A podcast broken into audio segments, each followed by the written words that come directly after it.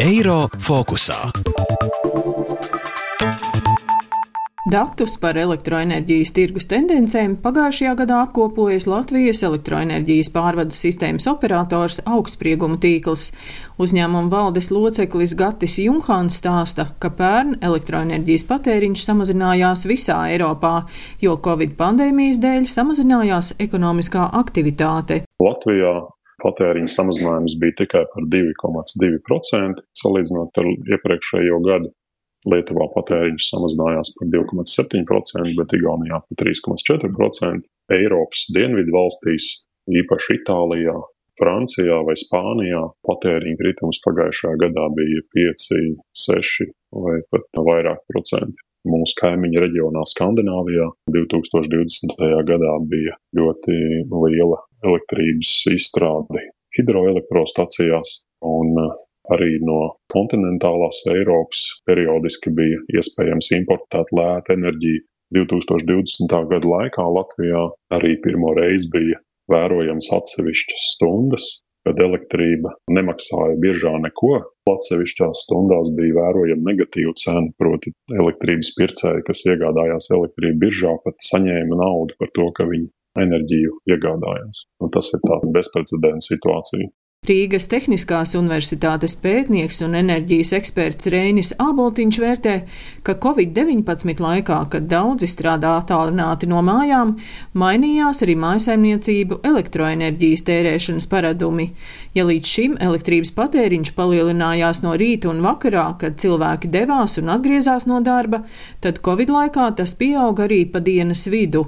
Elektrības patēriņš ievērojami samazinājās Covid-1 viļņa sākumā martā. Tieši pēc 16. mārta var redzēt, ka elektroenerģijas pieprasījums un ražošana diezgan būtiski kritās, kas iezīmēja arī šīs Covid-19 ekonomiskās aktivitātes un fiziskās aktivitātes ierobežojumu periodu sākumu. Enerģijas patēriņš ļoti būtiski kritās, tīpaši industriālās ražošanas ierobežojumu dēļ, tāpēc ka ekonomikā vienkārši lielākie ekonomikas motori apstājās, jo ilgāks laiks iet uz priekšu, jo vairāk mēs zinām par šo vīrusu un jo drosmīgāki kļūstam, līdz ar to arī aug enerģijas patēriņš.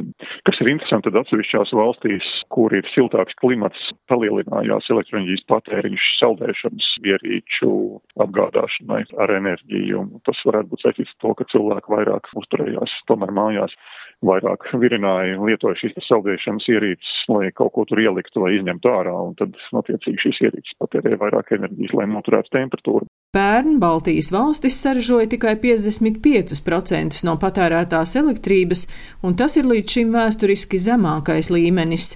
Akcijas sabiedrības augstsprieguma tīkls valdes loceklis Gatis Junhāns stāsta, ka galvenais iemesls - samazinājās elektrības ražošana ogļu degakmens stacijā Igaunijā. Arī Baltijas energosistēmā ģenerācijas struktūra no gada uz gadu pakāpeniski mainās palielinoties elektrības izstrādē no vēja un saules elektrostacijām, tajā pašā laikā no gada uz gadu samazinoties elektroenerģijas saražotajam daudzumam no degakmens un no cita veida fosilās enerģijas. Rīgas Tehniskās Universitātes pētnieks un enerģijas eksperts Rēnis Abotiņš vērtē, ka 2020. gadā ievērojami palielinājās elektroenerģijas ražošana no atjaunojamiem energoresursiem. Tieši industriālie lielie patērētāji patērēja mazāk elektroenerģiju un līdz ar to nevajadzēja varbūt darbināt lielās ogļu stācijas vai gāzes elektrostācijas.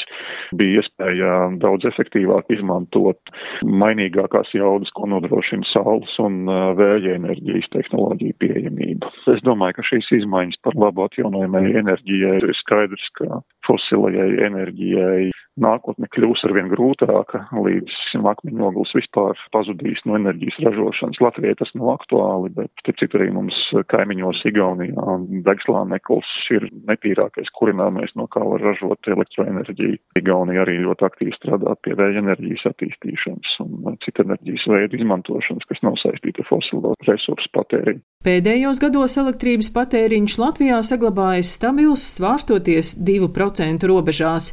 Eiropā pērn elektrības patēriņš palielinājās tikai Dānijā, bet lielākais patēriņa kritums bija Itālijā - 7,5%. Daina Zalamane, Latvijas radio. Eiro fokusā.